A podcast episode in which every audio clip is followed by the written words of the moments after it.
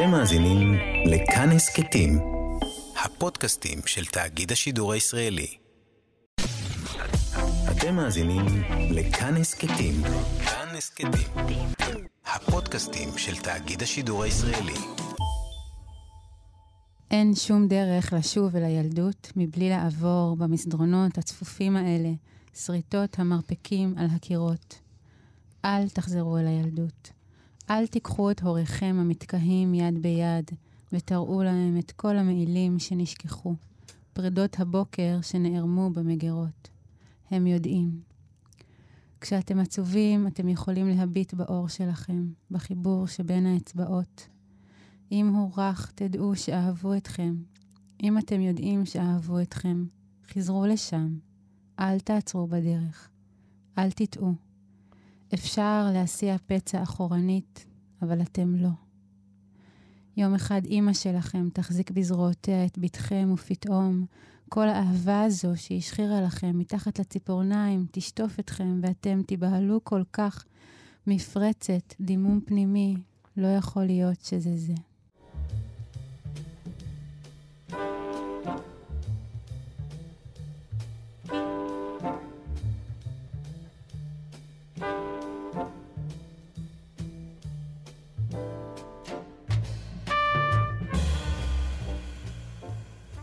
שלום, ברוכים וברוכות הבאות לתוכנית ברית מילה בכאן תרבות 149, 105.3. אני שלומי חתוקה, מראיינת המשוררת יאלי שנר. שלום יאלי. אהלן. אנחנו נפגשים בפעם השנייה. נכון. הספר הראשון היה כותנה. כן, כתבתי איזה פוסט בפייסבוק, כל מיני שמות של ספרים שאהבתי. נכון. ואני חושב שגם גם את הרגשת שהיה בשם הזה איזושהי הצלחה. כן. היה איזה משהו, שם שהמצלול שבו וההעברות שבו הצליחו להעביר גם, גם יופי וגם חרדה איכשהו. וזה קולע, השמות של, אתה יודע, ספר יכול להיות מצוין, אתה קולע לפעמים פחות בשם, זה איזשהו נכון. משחק שתוך כדי שאתה מוציא ספר, יש לך פתאום את המשחק נחושים הזה, כן. איזה, איזה שם יעשה את ה... נכון, שם באמת זה קרה ככה באופן נורא פשוט, ידעתי. את, את זוכרת? כי את זוכרת לספר לנו איך מה, בחרת את כותנה, בחרתי? ואיך את השם החדש, גלם. את כותנה אני לא זוכרת איך בחרתי, זה היה איזה מין בחירה, זה, זה הוחלט, כאילו, אבל זה היה שיר, אחד, השיר, אחד השירים שזה היה השם שלהם. ועם גלם היה לי הרבה יותר מסובך. שזה הספר החדש שיצא בפרדס. בטקסטורה. כן, ממש יצא לפני חודש וחצי, משהו כזה, הוא ממש אה, טרי. ואני היום מאוד מאוד אוהבת את השם שלו. אחד ה... אה, אחת הסיבות שאני אוהבת אותו זה שלא אני המצאתי אותו. מי שהציע לי אותו זאת המשוררת רוני אלדד, שהיא גם חברה מאוד מאוד קרובה, שהיא קראה את כתב היד, ולא הייתה את המילה גלם בתוך הספר. זה משהו שהיא הציעה. ו- ונורא אהבתי את זה, אבל כל הזמן הרגשתי שאי אפשר לתת לספר שם של... יש שני שירים שהם, שהגלם מופיע בהם. לפחות. יש גולם, אני חושבת, או גולמי, אבל לא היה את המילה הזאת. וכש... לא הייתה, וכשהגעתי לסיים את הספר, הייתי צריכה, כבר אמרו לי מההוצאה, מה קורה, מה קורה, מה קורה, אתה מכיר את הרגעים האלה שאתה מדחיק את זה כי אתה לא, כי אתה לא יודע מה לעשות, ואז נסעתי לשבת לנסות אה, לסיים את זה ביודפת, שם בית קפה כזה מקסים, ואז בכלל היה איזה שיר אחר שהייתי בעבודה עליו, שמבחינתי כבר היה שייך לס... לספר הבא.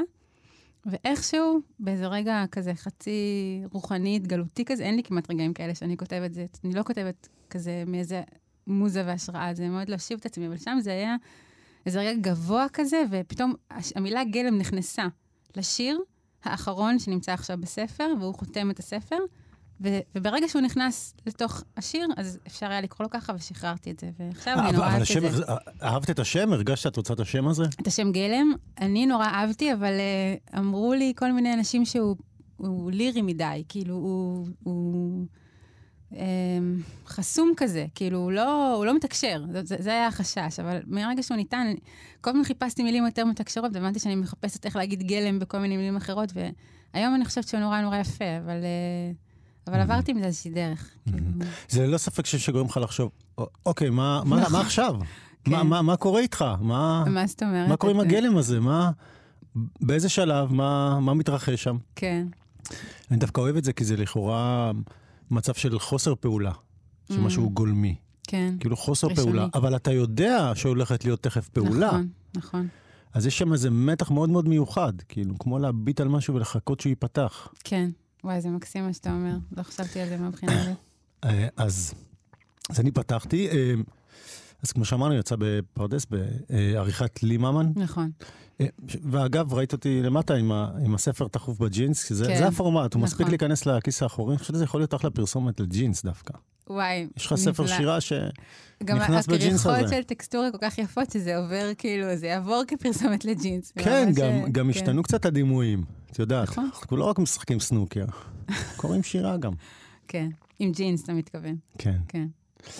אמ, אז קודם כל, בשעה טובה, ספר תודה. שני.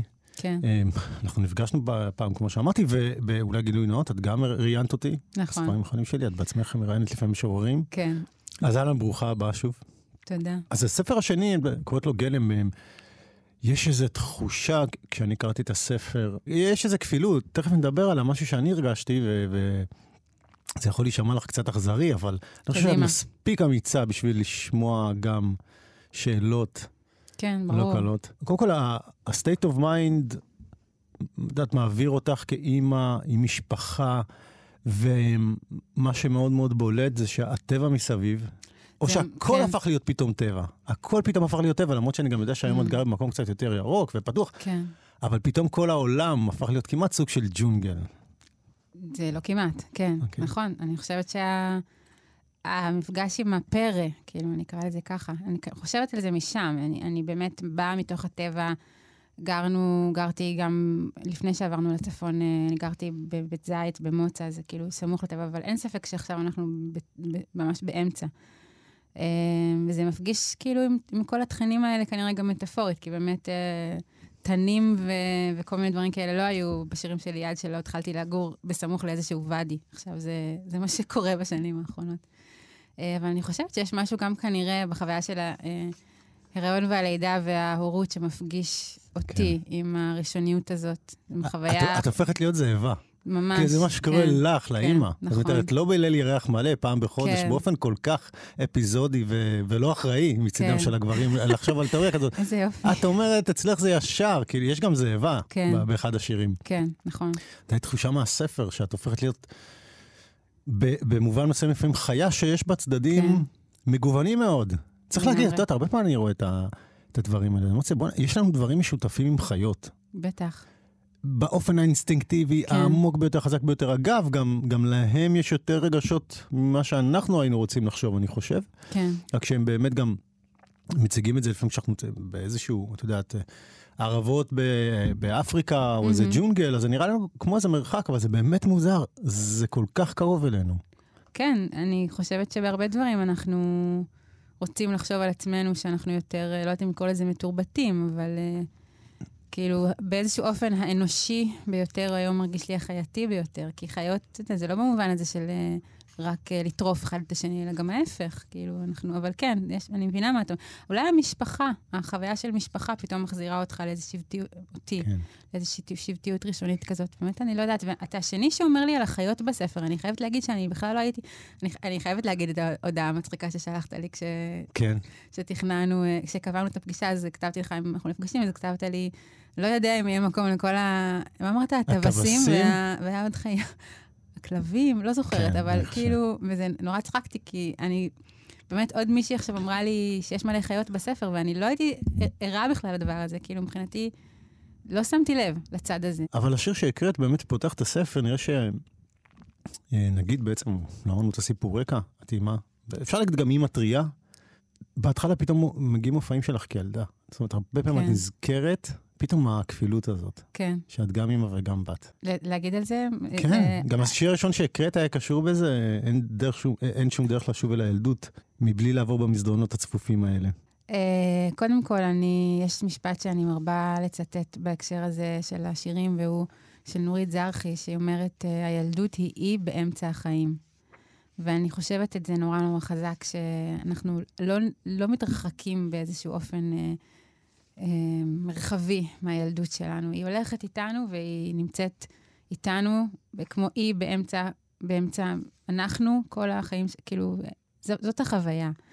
אז אני מלכתחילה אה, מרגישה את עצמי נורא קרובה אה, לחוויות הילדות שלי, גם אם יש לי איזושהי פרספקטיבה עליהם.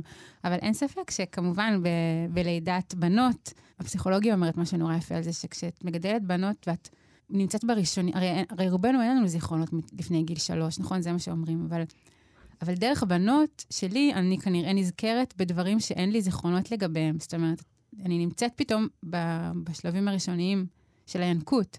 ואז עולים הרבה מאוד תכנים שקשורים, ואני כמובן בתפקיד האימא, אז אני אמורה... כאילו יש שם איזה מופע קסמים בלי שרואים את הקוסם. ממש, בלי שרואים כן. את הקוסם. כמו איזה מנטליסט, ראיתי אתמול את נמרוד הראל, עושה, אה. עושה את הקטעים האלה. זה ממש, ממש כאילו יש מנטליסט, אבל הוא לא רואים אותו. כן, הוא עושה לך את כל האלוזיות, תחשבי על מילה, פתאום עולה לך זיכרון, זה כן. יפה.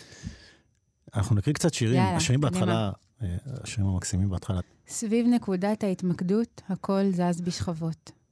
למטה, וריאציות שונות של פלסטיק על גלגלים. בשכבה השנייה, ילדים. מעל, האוויר מונמך ועבה. כדורים חוצים אותו בהפתעה. בשכבה העליונה, עיני האם המתוחות עד הקצה השני של המגרש, החיוך קפא על פניה, היא אינה משגיחה במעבר השברירי מהבעה לאבית. רגע קודם הילד שלה הניח אצבעות על ברכיה, וכל מה שהורעף ממנה היה פשוט וטרי, אבל הילד המשיך, הילד שלה משחק עם ילדים אחרים.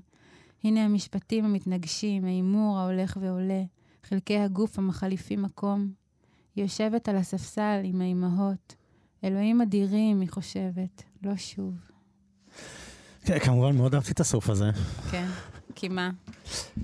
כי... אני רוצה את המחשבות שלך. אני חושב שהוא. אמיץ מאוד, אני חושב שאנשים לא יבואו יגידו את זה, אין לי ילדים, אבל כשאני כן. אמרו לי, אוקיי, תעשה פעם אה, דמיון מודרך, עשיתי דמיון מודרך, אוקיי, הכל זרם יפה, פתאום שהגיע של הבית ספר, ואז התעוררתי, אמרתי. לעצמי, לא שוב, אשכרה. לא שוב, זה כן. לא שוב, בדיוק. אין מצב.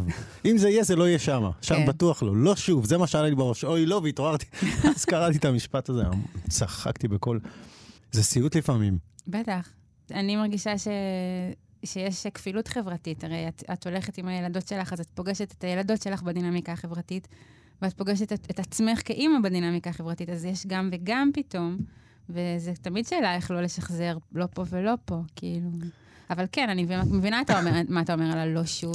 לא שוב. זה גם לא אמיץ, רוצים- זה גם כן. אמיץ, זה אמור להיות איזה, אה, הרבה פעמים זה הפרסומת, כן? כן. של מטרנה, או של כן. לא יודע מה, זה, כן. את אומרת, בכלל אני מרגישה, שוב, זה כבר אולי לוקח לכיוון אחר, אבל um, שהמיתוג של האימהות בחברה שלנו הוא מעפן, כאילו, סליחה על המילה הזאת, אבל uh, אנחנו לא, לא מדברים דיבור uh, מספיק מעניין בעיניי על, על הורות, לא, לא במובן של מה את צריכה לעשות בתור אימא, על זה יש אין סוף דיבור על הדרכת הורים. לא, כאילו, מה קורה להורים מול הילדים שלהם, מול עצמם.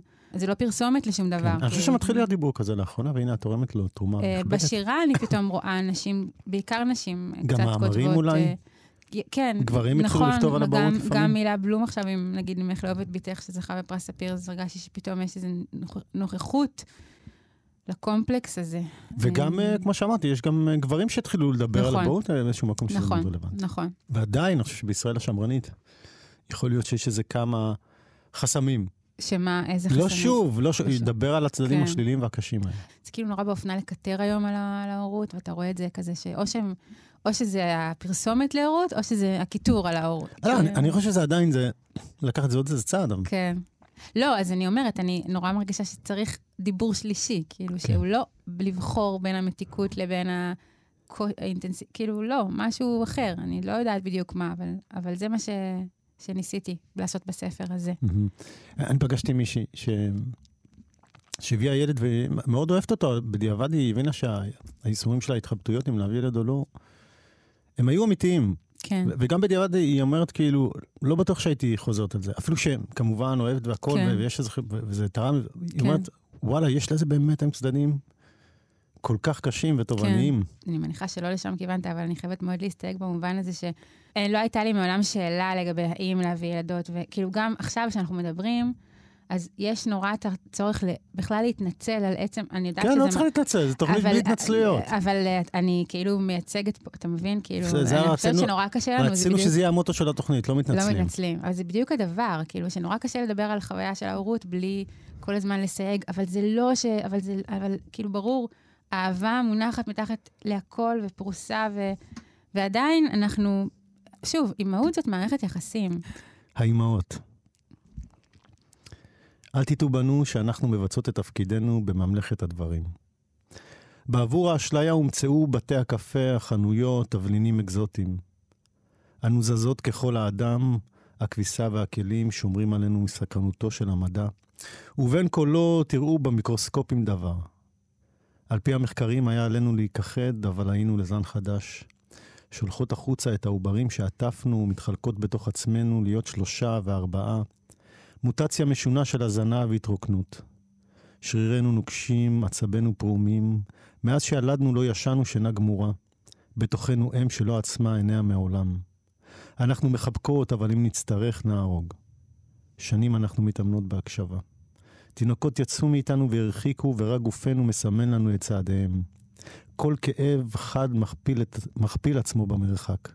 אנחנו יודעות, ילדינו הם וודו, ואין לנו איך להימנע מזה. לפני שאמשיך לשירים הלאה, קודם כל, אל תטעו בנו. הזכירי, אל תראוני שאני שכח, הזכירי כן, קצת שיר כן, שירים נכון, כזה. אל תראוני נכון, שאני שכח, אוקיי. נכון, אז בטח. רשמתי לי פה, שאני מאוד אוהב, כן. שאהבתי את הלו"ז הזאת. והייתה לי עוד מחשבה שקראתי את השיר, אמרתי, אני זוכר גרסה אחרת שלו. אה, יכול להיות שאני טועה? בובות לא, וודו. שלנו, הם בובות וודו אה. וודו שלנו. כן, יכול להיות שאת המילה בובות. אבל אה, כי אנשים לא הבינו מה אני רוצה עם הוודו הזה. כאילו, אמרו לי, מה זה וודו? מה זה... אז כן. טיפה אני- להסביר. אני קראתי את זה אז, מאוד אהבתי. זה כן, נפלא, זה פשוט תיאור נפלא. אבל... שהילדים הם בובות וודו שלנו. כן, אתה תפגע בהם, יכאב לנו, זה- כן. גם בכל נקודה. נכון. וגם אני חושבת שבעיקר התחושה של המרחק. כאילו, מישהו עושה את זה, אתה יודע, לא ב... לא בטווח של הראייה שלנו, זה הפחד הגדול, ואנחנו לא יודעים, בתכלס זה, אפילו זה לא ממש וודו, כי אנחנו לא יודעים את זה בזמן אמת. כאילו, אם מישהו פוגע בילד שלנו, אנחנו יודעים את זה בדיעבד, במקרה הטוב, אם הוא סיפר או כזה, אבל, אה, אבל כן, התחושה הזאת שיש יש לך שליחי לב כאלה בעולם, שכאילו, הלב, אני, אני תלויה במה ש... כאילו, ה-well-being שלי תלוי בהן, ואין לי מה לעשות עם זה. כן. האמת שאת גם מתארת פה משהו מאוד, אני מנסה למצוא את המילה הנכונה לת, ל, להגיד את זה, מקסימום אנחנו נשייף. כן. אגרסיבי, אגרסיבי, את, את ממש פה... וגם אלים. ברור, האימהות. את לוחמת כן. ב, ב, בשבט, כן, כן, חד זה משמעית. לגמרי, לגמרי, לגמרי state of mind של... עם הלביאה? כאילו זה, או... או אפילו יותר, כאילו, את יודעת, זה, זה באמת אינסטינקט מדהים, אבל כאילו כשאת מתארת את, את יודעת מה חשב, באמת, בוא נחשוב על הלביאות, זה באמת מדהים. יצא לראות הרבה National Geographic, כל ה... יצא כן, לראות את זה לאחרונה. השירים שלך עם זה, אני יודעת. לא, גם נגיד ספציפית שב- שבמין הזה הנשים הם אלה שצדות. כן, הנשים כן. אלה שצדות, והרבה פעמים משתפות פעולה ביחד, והם הרבה מהמם. פעמים להקות, וזה, ומן הסתם לא סתם העלינו את זה, אבל אנחנו מבינים, פשוט גם, גם במין שלנו, זה, כן. זה מעמיד אותך מאותו יום כלוחמת. כן, אני חושבת ואת מדברת על הוודו, אני תמיד אה, חושב על משהו מאוד פרימיטיבי, נכון, טקסים פרימיטיביים. Um, בגלל זה חשבתי על לביאות, כי זה כן. נראה מאוד טבעי הלביאות, אבל כשאת מכניסה כישופים ואזהרות, כן. את יודעת, זה, זה כבר מגיה שלמה. נכון. אני חושבת שיש... אה, יש... כאילו, אני נורא מכירה אה, בשרירותיות ובפתאומיות ובזה שהדברים לא תלויים בי, ויכול להיות שאני צריכה לגייס את המאגיה בשביל להתמודד עם זה, כי אין לי דרך להתמודד עם זה בעצם, מלבד אה, כישופים ו... ליד השיר אימהות יש את השיר הפעוטות, כן. לא במקרה. לא, לא במקרה, בטח. מול זה- הלוחמנות הזאת פתאום מגיע, מגיע שיר על הפעוטות עצמם. כן. תקריא אותו, אנחנו אולי נשוחח על הפעוטות, האמת עכשיו. אוקיי. זה ספציפית ממש שיר התבוננות. ניסיתי להסתכל על מה שאני רואה ולכתוב איך זה נראה לי מהצד. הפעוטות. הפעוטות גבישים גמישים נעים בחדר. מסלול פנימי מוליך אותם אל חפציהם. הרגליים שייכות להם באופן שידוע רק לגופם. ראשם מביט בכל זה, מופתע ואיטי. צעצועים מושלכים מחיקם אל הרצפה בפתאומיות של יתוש. דבר אינו מוביל אל הדבר הבא. זמנם מעוך היטב אל העכשיו. לעתים הם מרימים את החולצה כדי לאחוז בבטן הביצה שהם נושאים תחתיה. ציפורניים גזורות ננעצות בחומר הרך החוזר. לעתים ישלחו אצבעות נחושות גם אל עיני אביהם או אל פה אמם. חסרי כל עידון ועדינים מכל, בין אגודל ואצבע ילכדו את הבולט וימשכו עד צעקה. אולי בכוחם יצליחו למתוח את המבוגר הרחק מילדותו, לקרב אותו אל הילדות. ג'ורג' ברנר שואו, נראה לי דיברתי על זה, על עמוס. שמה? מזמן. עמוס נוי? כן, הילדות היא דבר נפלא, זה פשוט פשע לבזבז אותו על ילדים. איזה יופי. אני חושבת שבאמת, אתה יודע, במובן הזה של ההורות, כאילו, הם מצליחים לא להיות הכל, לא לראות את הכל דרך החוויות שלנו, אז יש פה, יש פה באמת הזדמנות לילדות שנייה. באמת יש הזדמנות כזאת, אני ממש חושבת שהיא קיימת. נגיד, שגיא, בן זוג שלי, זה, זה כוח על שלו. הוא מצליח להיות נטוע בתוך הדבר הזה, ואני... אני, זה מדהים, אבל uh, באמת צריך להצליח לשחרר משהו מהסיפור שלנו בשביל להיות איתן בסיפור שלהן. ואני חושבת שזה נורא קשה לעשות את זה. דרך, ה, ה, הילד, דרך הילדות שהיא, לא נגיד שהיא טבולה ראסה, אבל לנסות כן. באמת לא, לג, לא לגשת אליה עם המטען. כן, אבל כן. בכלל, כל התיאור הזה של הפעוטות. אהבת אותו. לא, ש- מאוד. גם שמול האימהות. כאילו, זה נכון, באמת... נכון, זה היה באמת איזה ניסיון להגיד משהו על הכובד ראש שיש באימהות אל מול הכלולסיות הזאת שיש בילדות, כן. כאילו, ו- אני מדלג קצת. בטח. שוב, את באמת גם מדברת הרבה על מי זאת הילדה הזאת, וה... Mm, וממשיכה רגע לכמה פרקים שגם מעמידים אותך מול הלידה עצמה, וגם כן. מול עצ... בעצם מול עצמך, כן. פתאום, בדמות הזאת. בדם וחלב את כותבת, האישה ההרה הופכת עכשיו לתאים את כל המיתולוגיות. לתאים כי בעצם זה החומר שעכשיו את הולכת לחיות איתו וללדת איתו. ילדות במקרה הזה. אה, זאת אומרת, זה כאילו, כל הקומפוסט עכשיו יוצא, זה, כן. זה מה שיהיה. וכולם נופפים לשלום, ל... כי זה באמת כבר לא יהיה אותו דבר. את כותבת כן, בסוף השיר. וגם אה, אני חושבת ש... שוב, המיתולוגיה של, ה... של ההיריון והלידה היא מאוד שונה מהקונקרטיות של ההיריון והלידה. אנחנו, גם נשים לא יודעות, את ה... אנחנו מקבלות את המיתולוגיה, ואז אנחנו פתאום מקבלות את הגוף, וזה בכלל לא אותו דבר. אנחנו Mm. הופכות את המיתולוגיה לגוף שלנו, וזה לא חוויה מיתולוגית כל כך, לפחות בשבילי, ההיריונות שלי לא היו ככה, כאילו, זו חוויה מאוד קשה, זאת לא הייתה חוויה מיתולוגית. אולי. תקראי את השיר לידה באמת, אם אנחנו כבר לידה? מדברים. כן. אוקיי. אז אה, אני אגיד ששתי המשוררות שאני אה, מאוד מאוד... אה, אני חושבת שהשירה הכי טובה שקראתי בשנים האחרונות, זה... אחת זה שרון, אולץ, ששירה סתיו תרגמה אותה, ויש לה שיר מטורלל על, על, על, על, על, על הלידה שלה, והיא כותבת איך היא הרגישה בגוף ראשון אחרי שהיא נולדה. לפני, ואז בסוף היא אומרת, לקחו אותי, לה- כאילו היא מדברת על הרגע הזה שבו לקחו אותה מהשקט הזה של לשכב שם ולקחו אותה למשפחה, לאימא שלה. ושירה סתיו, אה, שכתבה, גם תרגמה את שרון הולץ, אבל גם כתבה אחר כך את אה, שריר הלב, שזה ספר אה, מופלא, היא מתארת שם את איך אימא שלה מספרת לה על הלידה של עצמה, גם באיזה אופן כזה לא, לא סימפטי בכלל. מסכים ומסכים. אז, אה, אז משם בעצם היה לי איזה ניסיון להמשיך את השרשרת הזאת ולכתוב שיר אה, שמתאר את רגע הלידה. כי באמת אני לא מכירה, לא חושבת שיש המון שירים שמדברים על הרגע הזה. זה גם, אני חייבת להגיד, נורא נורא קשה לתת מילים לרגע הזה. אולי הכי קשה מכל השירים היה לכלוא את זה בתוך מילים. זה באמת חוויה שהיא, כאילו, באמת מיתולוגית. לידה. נחושה לחצות בכל האיברים, ציפורניים, בעונות, ננעצים בכוח, באלסטיות האדישה של האור. מבעד לזכוכית תודעתה האם קוראת, והתינוקת מנסה את הקולות שברשותה, כמו כרטיסים שלא עוברים במכונה. היא לא מצליחה לענות לה. האם מנדנדת את ראשה מצד לצד, משליכה מעליה דבר מה, ליסטותיה ננעלות על, על האוויר. היא כל כך פנימית ברגעים האלה, נאבקת בתחרות ג'ודו עם ענק הגוף. הוא מכאיב לה, הוא מצמיד את ידיה ורגליה אל הסדין, והיא נכנעת לו מובסת. אישוניה כבר שקועים באיזה חלון פרטי. מה היא רואה כשהתינוקת ממשיכה לשכב שם נגד כיוון הנסיעה, להסתכל למעלה? בין נשיפות אימה נושבת אליה לפתע, תנופת הקור של הלבד, היא לא יודעת שהיא בחוץ. זה שיר יפה גם כשאני חושב על התינוקת, כן. בתוך הרכב. לא יודעת שהיא בחוץ. כן. לא יודעת שהיא יצאה, מבחינתה אותו סיפור, כן. כן.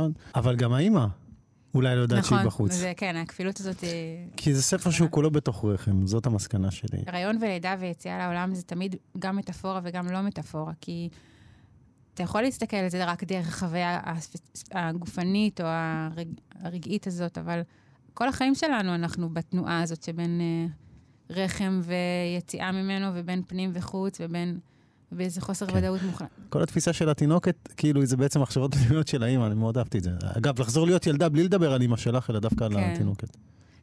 גודל האחריות שאני מרגישה היא עצומה. אה, כן. בפעולות שאני עושה. וזה לפעמים uh, סבבה, כי יש לי ניסיונות נחושים מאוד לעשות את זה טוב, ולפעמים זה קשה, כי, אתה, כי את מבינה שיש... הכל נרשם על, על האנשים הקטנים שהם. גם האהבה שלנו נרשמת בהן, בהן וגם המקומות שבהם... הכל זה אהבה, אבל כן. יש גם הרבה רגעים אחרים. אפרופו השיר, ההורים אוחזים את הידיעה בשתי ידם, כי, כי זה בדיוק זה, אני, אני מאוד אהבתי את השיר הזה. אני מבסוטה שאתה מקריא אותו, זה השיר הכי לא מובן בספר, אני חושבת, אבל... אה, אני, אני אקריא את השיר, זה מאוד מתקשר למה שדיברנו. כן, אוקיי. ההורים אוחזים את הידיעה בשתי ידיים, לוחצים על אוזניה שתתגלה. הידיעה עייפה, היא רוצה לישון. ההורים בודקים את צפיפות העצמים ומסדרים מחדש את החדר. הידיעה נמלכת בדעתה, שומרת על הזמן דגור. ההורים מסובבים את קופת הלילה ומטילים מתוכה מטבעות. הידיעה נרדמת. ההורים מזיזים את אורותם לצד לצד, הידיעה זזה איתם. ההורים מקשיבים עכשיו לגבול הדק של הידיעה, הופכים את הבטנה והחדר נפרם. העובד תופר שכבות חדשות וממהר לקחת על זה בעלות. ההורים זוקפ, זוקפים אוזניים, יושבים בגב ישר. הידיעה נשענת על גבם וצונחת פנימה. הבהירות היא בעירה מסוג אחר. מתארת בעצם את החוויה של. ההכרה של היצירה של העולם הזה. אני באמת חושב שזה יצירה של עולם. יש דברים שבאמת מביאים אותנו לעולם אחר, זה כשמישהו שאנחנו אוהבים נפטר, וכשמישהו שאנחנו מכירים ואוהבים וקשורים אליו נולד. האישה שרה. אנחנו קופצים, קופצים, אני קופצים בעד, פרקים. אני בעד. אני יכולה ללמד את כולכם איך לזהות אותו. הליקוי ששמו אי אהבה. כשיום הולדתי מתקרב אני שוכחת את השורות שלי. סירים ריקים נופלים מהארון, בבואתי מקימה סביבה רעש גדול. בסוף כל הבגדים, להיות שוב אותה אחת שבוקעת מתוכם. כל כך התאכזבתי. היה עליי להתחדש במשהו, עשוי אור. כן, אני קראתי את זה כאילו, כן, מה? תגיד כי לי. את צריכה להתחדש בתינוקת. אוקיי. משהו אה. עשוי אור. האישה שרה, אמ, בחוויה שלי, כשהוא נכתב, דווקא היה מאיזה עייפות, זה משהו כזה של אמילי דיקנסון כזה, של אה, כמה אפשר להיות אנחנו, כאילו חלאס עם, ה, עם העקביות הזאת של האני. זה הסיבה שאני חושב שבין השאר להביא ילדים. כמה אתה יכול להיות עם עצמך גם? נכון, אוקיי. נכון, וגם כאילו מין לקום בבוקר, ועוד פעם אותו בן אדם, חלאס, כאילו, זה משעמם לפעמים. אבל אז אה, דווקא שרון קנטור, כשהיא היא אמרה לי משהו על זה. שהיא אמרה עשוי אור במובן של אה, כאילו השכבת מגן מהעולם, שאין לי, נגיד, בחוויה של הכתיבה. ואז אתה אומר, אה, דווקא להתח... משהו אחר עשוי אור, כאילו אני... זה נורא מרגש אותי ריבוי האפשרויות להבין את זה. ויש פה עוד אפשרות, אני חושב שאולי זה הזמן להגיד לך איזושהי כן. תיאוריה. אולי קצת הדמיון שלי עובד שעות נוספות, אבל באמת קדימה. הרגיש לי כמו איזה... כל שיר, כאילו ממש, יש לו איזה כן משלו, Mm, ודאגה משלו.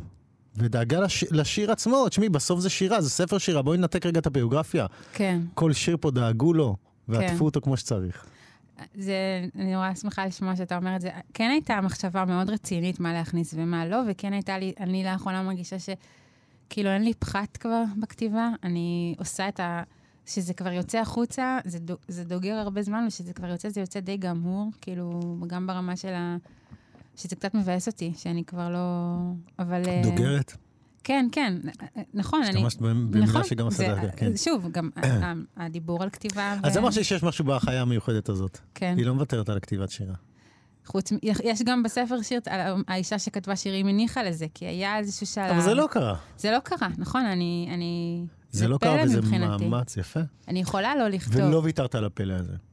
לא, אני אומרת שוב, בתוך האינטנסיביות של החיים אפשר לא לכתוב. פשוט יש איזו תחושה שמשהו עמוק מאוד לא מתממש, אבל זה מאבק יומיומי לייצר מרחב מספיק. זה חדר, חדר משלך כזה, כמו שווירג'יניה וולף מדברת עליו, אז אה, אני אומרת את ה... כאילו, הניסוח שלי זה שאני צריכה לכתוב כשכל הזיקות ישנות. כאילו, שאי אפשר לכתוב... צריך קצת, בשביל לכתוב צריך קצת להפנות, אני, אני מבינה מה אתה אומר, צריך להפנות עורף. כן, להפנות עורף. פעם אני כן. זוכר שראיתי איזה תוכנית, אני לא אזכיר שמות, אבל אה, עשו איזו תוכנית על מישהו. כן. ובאופן קצת כל כך אולי יפה וגם כואב, ומישהו מבני המשפחה שלי התפרץ עליו, הפנית לנו עורף בכתיבה. כן. כשכתבת, וכתבת הרבה. קודם כל, זה שאמרת, כתבת הרבה, כאילו עדיין, ופה אני נכנסת לאזור אחר, אבל עדיין גברים יכולים לכתוב הרבה ולסגור את הדלת ולא לשמוע גם כשהילדים בחדר. לנשים, אני מרגישה, אין את הפונקציה הזאת, אז כאילו, צריך להיאבק הרבה יותר על, ה, על השקט, לא להיאבק אה, במובן של, אה, לא בשעות אחר הצהריים וכזה, אבל כן, כאילו, איפה בתוך היומיום? אני לא, אני לא סוגרת את חדר העבודה וכותבת אה, עד שמונה בערב, זה לא הסיפור, אתה מבין? ואז זה נורא, בקיצור, התנועה הזאת בין להיות בתוך העולם, גם, גם בשביל לכתוב צריך להיות בתוך העולם, נכון? אתה יודע את זה כמוני, אתה לא יכול לסגור את עצמך בחדר ורק לכתוב. אתה צריך uh, להיכנס, להסכים כל הזמן להיכנס אל העולם בשביל לכתוב. ואז בשביל לחוות את האפשרות, כאילו, לדברים, לתת לדברים להיכנס פנימה. ואז למצוא את המקום השקט שבו זה יכול לצאת החוצה. קדימה, שיר ליום נישואין. שיר ליום נישואין. בסוף היום החדר שב אל מיכליו. הפלסטיק נח בתוך העץ, וכל הצבעוני מחזיר ברק אל הכהה. בהצטברות הזו אני אומרת לעצמי, אנחנו, כל המשפחות המאושרות. לא שחסר לנו מזן העצלתיים, תורים שלא דחוף עכשיו אף פעם, ותשלומים שלא נביט להם בכחול העין, עד יחזרו דלקתיים ואדומים, וגם אנחנו לפעמים, טרופי עלבון, שאחריו צריך לשוב מהאלסקות אל הבית. ויש ימים שמוערק בנו מין עצב דולח, מן הכבישים וממסך שלא קובע, או מתלקח מבפנים כשאיזה זכר לחורבן, קם כעוף חול כשכבר חשבנו שחצינו והגענו. אבל לרוב יש לנו קצת יותר הכוח מן הפועל, ובסוף היום העייפות היא רק מצב צבירה נוזלי של אהבה. אנו גדלים מסכום חלקנו, בידיעה שקטה, נמסרת. השאלה לא מתחרה עם התשובה. והשכמה. השכמה. מה שחולף כעת בבית עף פה בעבר. אני נושאת את צערי מן השינה. בהגיעו גובר הצורך בדברים יפים. אני קטנה. אני זוכרת שהבטחתי שאהיה ברוכה. רק כעת התגבהו הדברים היפים בעולם, ואני עשויה בצילם, ואני נמוכה. אור השמש עיקש ובוטש בחלון, גרגרי הרימון, הזהב, צערי המלא כשהיופי עולה על גדותיו. האמירה הזאת על יופי שעולה על גדותיו הוא משהו שגם קשה לפעמים להתמודד איתו. כן. Uh, בכלל, גם, גם uh, אני חושבת ש... כאילו, איך אני אנסח את זה? הכל עולה על גדותיו, אני חושבת, בחוויית חיים שלי. Uh, אין אור, כמו שאמרנו קודם, אין, אין uh, מספיק uh, שכבה מספיק עבה ביני לבין החוץ. ואז גם יופי, כן, אבל יופי, אתה יודע איך זה, יופי יכול, אתה מכיר את זה גם עם מוזיקה, אחד בשירים זה מוזיקה. שדבר הוא כל כך יפה שאתה לא יכול לשאת, לשאת אותו, גם כן. כי אתה מרגיש פתאום איזה חוסר יופי מולו, אפשרות אחת ואפשרות שנייה. לא, זה... שזה מצחיק גם ש, שמהשיר, זה מרגיש שזה קיים גם בחלום וגם במציאות. אבל זה נכון, כאילו היופי במובן העמוק, אה, יש, יש במציאות דברים שהם גדולים כן. מכל חלום, ויש כאילו גם כן. הפוך. תחרות טובה, יש שם תחרות כן, טובה. כן. אני אקריא את חלום. אני מנסה לנעוץ מכוניות לתוך הכביש, מקווה שהקפיץ יתרחש לי וכל הבפנים יתהפך, לבחוץ ריפודים וברגים. המוסכניק ניגש אליי עייף. את רק צריכה ללחוץ על כל המילים יותר מפעמיים. זה באמת חלום, זה באמת היה ככה. כאילו, והוא גרר לך את זה בחלום? כן. מצחיק שמוסכניק אומר לך איך לכתוב שירה, קודם כל. כן. כאילו אמרתי, אוקיי, אז משוררת ומוסכניקית, זה, זה הזהות שאת, שאת עושה פה. יכול להיות. יש דברים שהם גם אה, טכניים. כן. וגם כשהוא אומר במקום מסוים את רק צריכה ללחוץ, זה ישר זה זורק אותי קצת ללידה עכשיו גם. עכשיו שהקראת, אני רק פתאום, כן. רק עכשיו אני ראיתי את המילה ללחוץ בתוך השיר, בקלות כן, אני אומרת. כן. אה, כן. והרבה פעמים כשמישהו את רק צריכה ללחוץ, הרבה פעמים האסוציאציה ההפוך היא על הבלמים. נכון, ללחוץ על הבלמים. כן. אה, אני חושבת שזה שיר שבח... אני חושבת שהוא מדבר על הרגעים שלפני שזה נפתח. את חולמת. על כתיבת שירה. כן, זה כאילו קטע בחיים שלך. זה לימבו, אולי. כאילו. לא, זה, ממש, זה משהו שאת מתחבטת בו באופן מודע. זאת אומרת, זה לא סתם צץ אה. בחלום, אני חושב. זה, זה... כן, כן, אני יכול, נכון, זה קצת אולי גם מה שדיברתי קודם איתך. ש- והמוסכניק העייף, כן, הוא... הוא... זה הכל שם, תשמעי, זה כמעט, זה כמעט too good to be חלום, אה, אם תתני נכון, כזה זה- חלום פסיכולוגי, זה תגיד לך, די, על מי את כן." עובדת? מה, כאילו כן. זה... נכון, גם באמת לא כל כך אוהבת שירים על חלומות, אני הרבה פעמים חושדת בהם, שהם לא עצמם, כאילו שתמיד זה איזה מטאפורה, אבל זה באמת היה ככה. וזה נראה לי גם, לפחות בחוויית כתיבה שלי, יש איזו סיזיפיות ב- בללחוץ על המילים. אני... זה לא יוצא ככה באיזה... יוצא. זה צריך מאוד מאוד להתאמץ, שזה יצא באופן שבו הייתי רוצה שזה יקרה, אז אולי זה מה שזה רוצה לומר. רוצה לקרוא את כוורת? כוורת. את רוצה להיות כוורת דבורים עמלנית של שירים, ובינתיים את רק עצלנית. הריכוז מתרכז במקומות אחרים. הילדה מסתובבת בבית פראית, והבית נמלא נמרים. השקעים, כוננית הספרים. החוטים שמתחת מהראש לתקרה כדי לכתוב, מכאיבים כשרוכנים. בלילות את הולכת מתוך שנתה, מקשיבה, ובאות לך תשובות. הכלבה הרובצת בקצה המיטה מתמתחת, נדמה לך שאין לה קצוות. אולי רק היונים, היא רודפת אותן בחלום, מבהילה חתולים ועורבים, וגם את מתמתחת, חושבת שגוף הוא איבר של אנשים נדיבים. אני יכולה להגיד uh, משהו על השיר כן, הזה? בטח, יש, בטח. יש כמה שירים בספר הדיבור. ש... שנכתבו ממש בתנופה של uh, קריאה של משוררים אחרים. זה שירים גם במקום שאני הכי אוהבת. נגיד, האישה שרה הוא בהשראת נורית זרחי, ו... וזה בהשראת ענת לוין. זה אחרי שסיימתי לקרוא את רק רגע... לא, אולי, את- לא זוכרת, אבל זה... רק רגע גוף. אני חושבת שאת רק רגע גוף הוא זה שקדם לו, ו... Mm. וזה פשוט יצא ככה, כאילו. אה, ולא יודעת אם זה רל- רלוונטי. למה מאוד. ביקשת את זה, אבל? קודם כל, דיברנו באמת על כל החיות שמופיעות, כן. שמתחילות להופיע. כן. וגם את פה מתמתחת כמו חיה ומזכירה את זה. ואהבתי את המשפט הזה שגוף הוא איבר של Mm. אנשים נדיבים. אני חושב שבאחד השירים את כותבת על הבת שלך שהגוף הוא שלה, רק הגוף יודע שהרגליים שלו. כן, היא- בפעוטות. בפעוטות. ואת נכון. מסתכלת על זה, כן. כאילו, היא מסתכלת, היא לא מבינה מה הקשר נכון. אליו, הגוף יודע, הגוף נכון. ינדנד, הוא יעשה מה שצריך, כן. את- הנפש התודעה לא קולטת את זה, ואני מאוד אהבתי את הפירוק הזה של הגוף. אחד השערים האחרונים, נכון, מעקב תנועות, כן. מעקב תנועות היה אמור להיות השם של הספר במקור, Mm. אבל הרגשתי שזה כבר, אני כבר לא שם, מבחינה פואטית, כאילו. לי- ממן שערכה את הספר, אז היא, היא עשתה את החלוקה. זה, וזו חלוקה שאני נורא אוהבת, כי היא לא חלוקה אה, נושאית. היא חלוקה, אה, לא יודעת, מצב, מצב תודעתית כזאת, אני מרגישה. אז באמת בשער האחרון, אני חושבת שיש איזו מימד של, לא יודעת אם השלמה, אבל אה, יש איזה קצת פחות אימה, אני חושבת. צלע. שוב הבקרים בגן, ההליכה אחורה. אינסטינקטים נושרים ממני כמו תאי אור. מבעד לילד, ילדה יושבת לצייר, קו הבכי, חומק מן הצלעות הקטנות אל הגב. אצבעות נפתחות להושיט שוב ושוב יד לפתאומי. איפה האי לעמוד עליו? גם אני מחפשת אותו בדרך חזרה הביתה. הרגליים דורכות עיוורות. קוצר הראייה של האהבה כשאני מתיישבת לכתוב עלייך, תמיד דרך האור, והוא נשבר. חושב שגם מקרי בן משה דיבר עליו.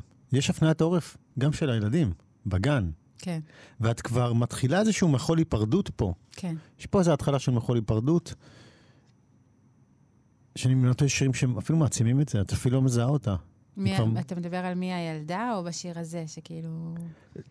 גם בשירים, אמרתי, יש שירים שזה הרבה יותר חזק, כן. פה זה כאילו מתחיל את ה... יש את השברון הזה שבו כבר היא נמצאת בגן ומפנה עורף. Mm, עם החברים שלה, כן, כמו שאמרתי, מי הילדה, יש באמת שירים קצת לוקחים את זה למקום יותר כן. רחוק. שאת כבר כמעט לא מזהה אותה, התנהגויות שמגיעה ממקום אחר, כן. המלצות לבגדים כן. ודברים כאלה. כן, ו... ואת חוזרת לשירה. אה, זה כמעט, חשבתי סיפור אהבה, אה, לא אהבה נרזבת, אבל... יש אכזבה באיזשהו מקום, לפעמים, בחיים האלה, ו... וכאילו לחזור על משהו ש... ש...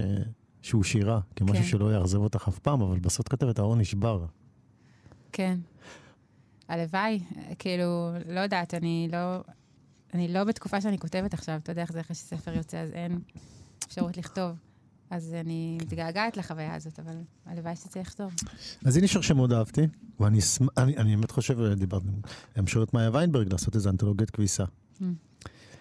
אני פושטת ממך שכבות, בסל הכביסה חתולים, ארנבות, זנבות ושפמים. כל הבדים נושמים, מגופך עולה בוהק האור הגנוז. פעוטות העולם, פלחי תפוז. סימני השעון מתגלים בשכמה הימנית.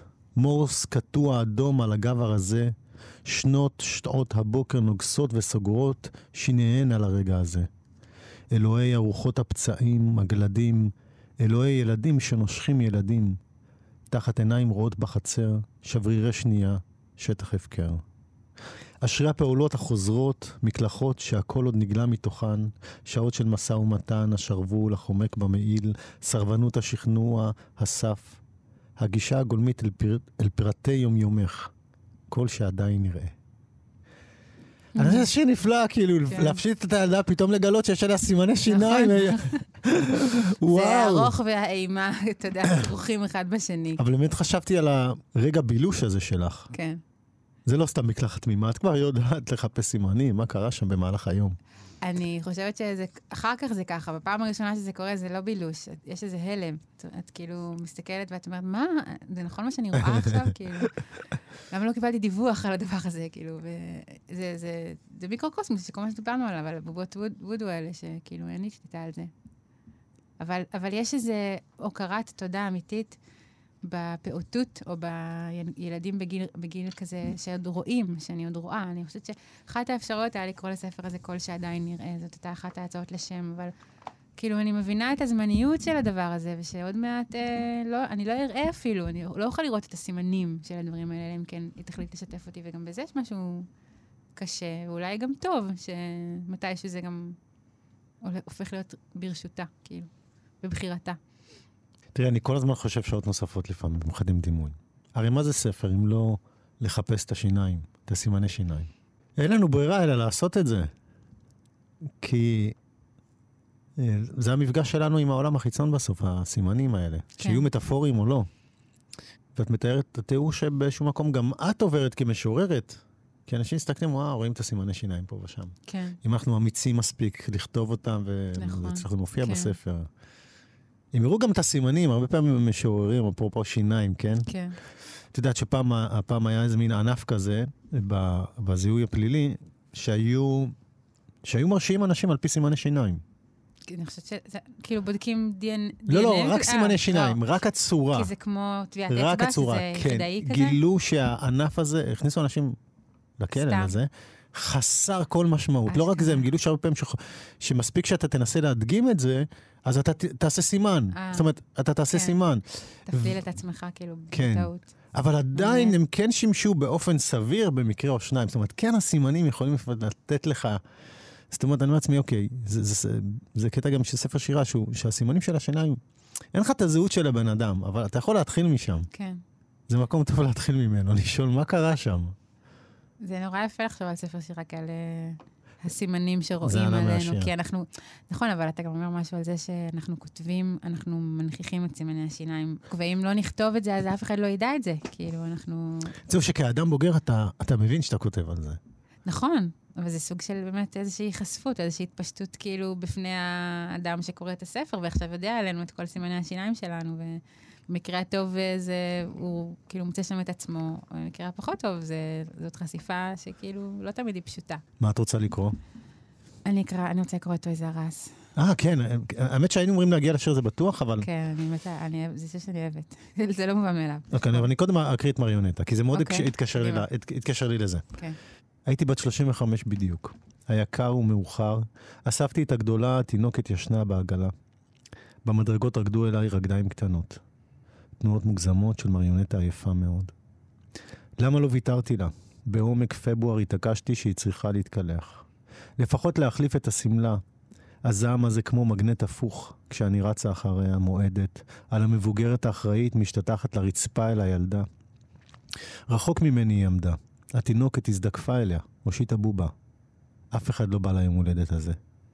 אף אחד לא בא. לצערי, אני קצת יותר מדי טובה בלרחם על עצמי, אני אומרת בכנות, אני מאוד עסוקה בזה בח- בחיים שלי, בלא להיות, אה, לא להרגיש את אף אחד לא בא זה, אבל יש רגעים כאלה שכאילו, הכל רועש מדי, וזאת התחושה שאף אחד לא בא, שמישהו יבוא ו- ויגיד לי מה לעשות עכשיו. אפרופו עוד איזו שאלה, לפני שנעבור כן. לתיאוריה זרס, אולי גם נסיים איתו איזה שיר מצחיק. ונפלא. דיברנו קודם על הכפילות, על התפקיד הכפול שלך. כן. גם לחשוף וגם גם לגונן, גם להיות רכה, גם לגונן, וקודם דיברנו על זה שגם בשירה כן, אנחנו נחשפים וכאלה.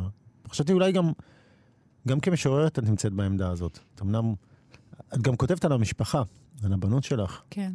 שאולי גם שם את צריכה הרבה פעמים לעמוד על המשמר.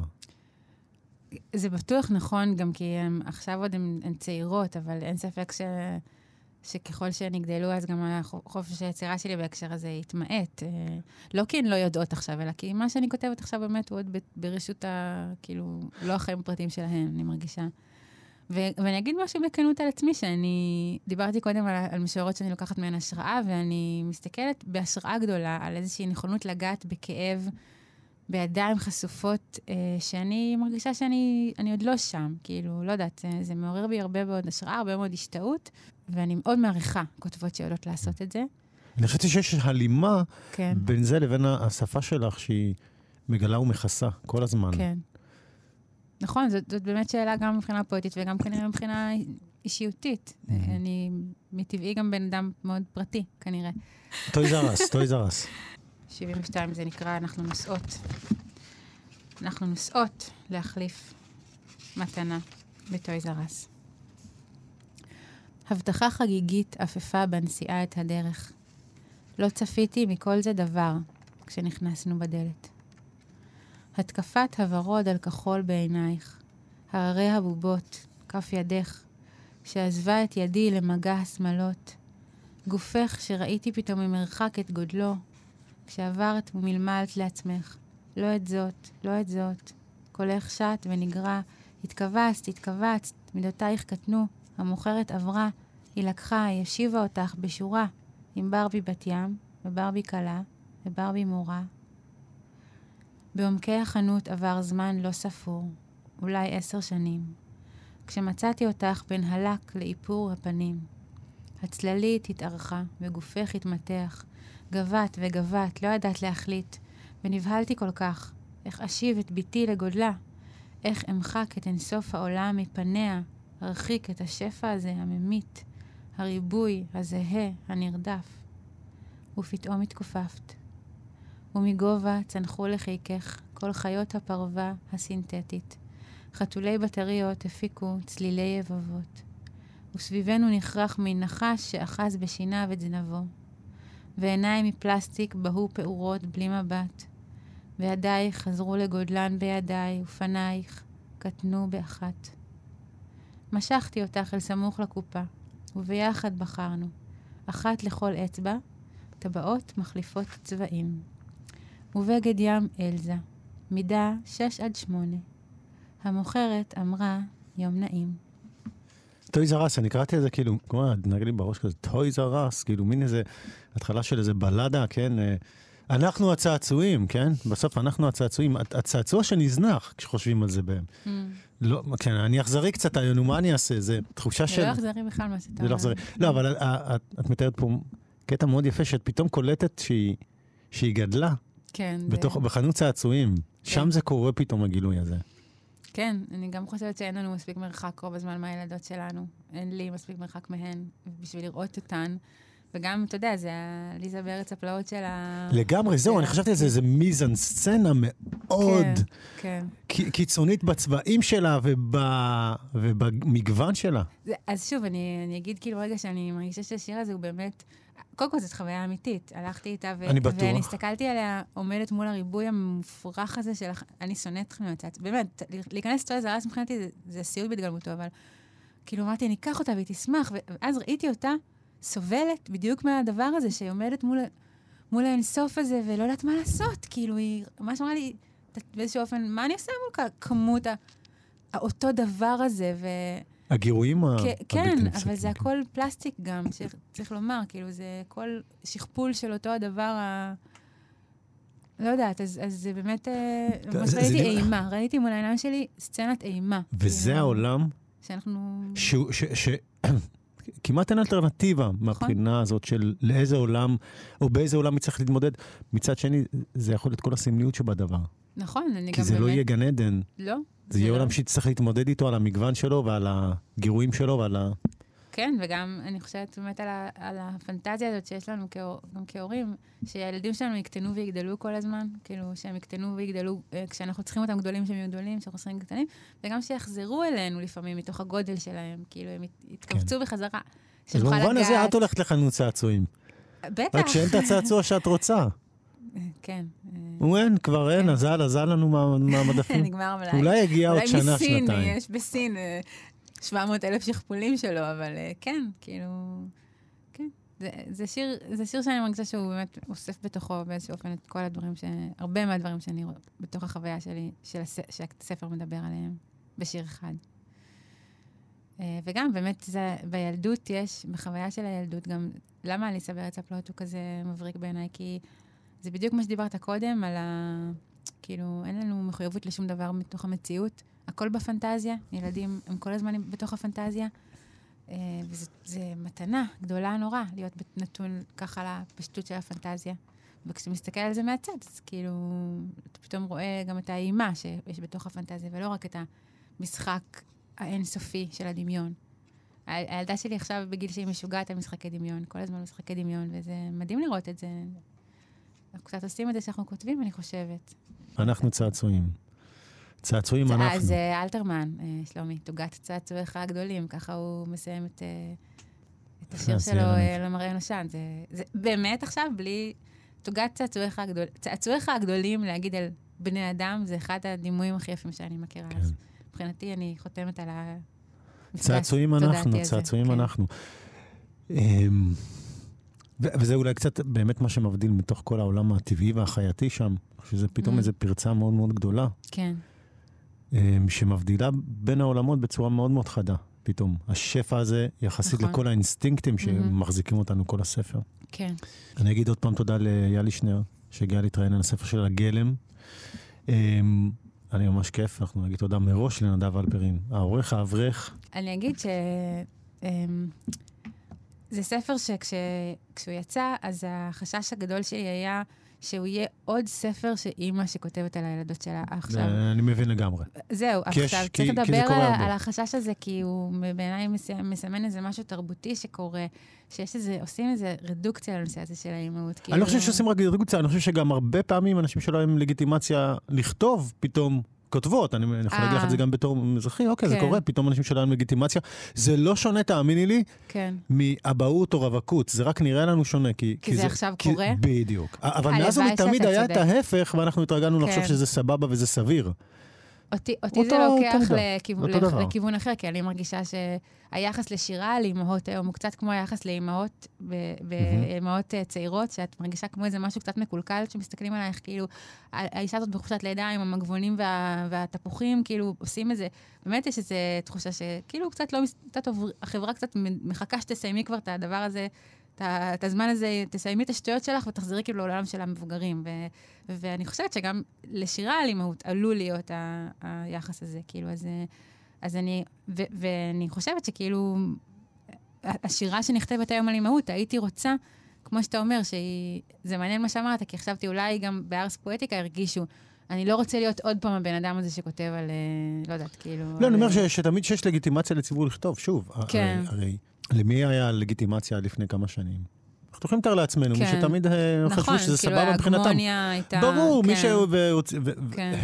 וזה קרה שם בלי סוף, כל כן. הזמן, כל הזמן. ופתאום כשזה קורה במקומות אחרים, אנחנו חושבים שזה שטף. לא נורא, זה הכל טוב, זה איזון טוב.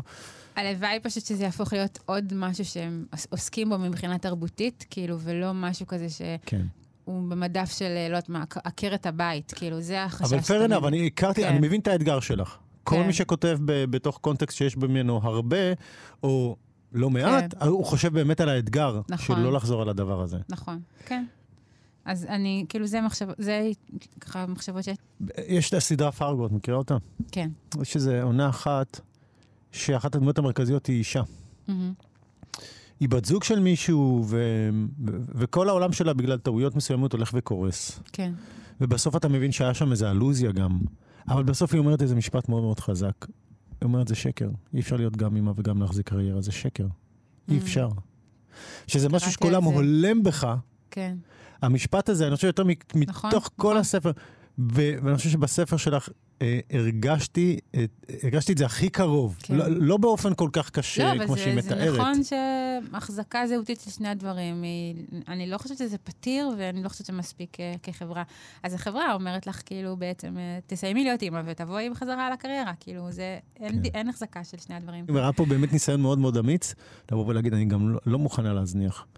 אפילו אם כן, זה שש שנים. כן, זה יקרה. נכון, נכון. זה יקרה. אתם מאזינים לכאן הסכתים, הפודקאסטים של תאגיד השידור הישראלי.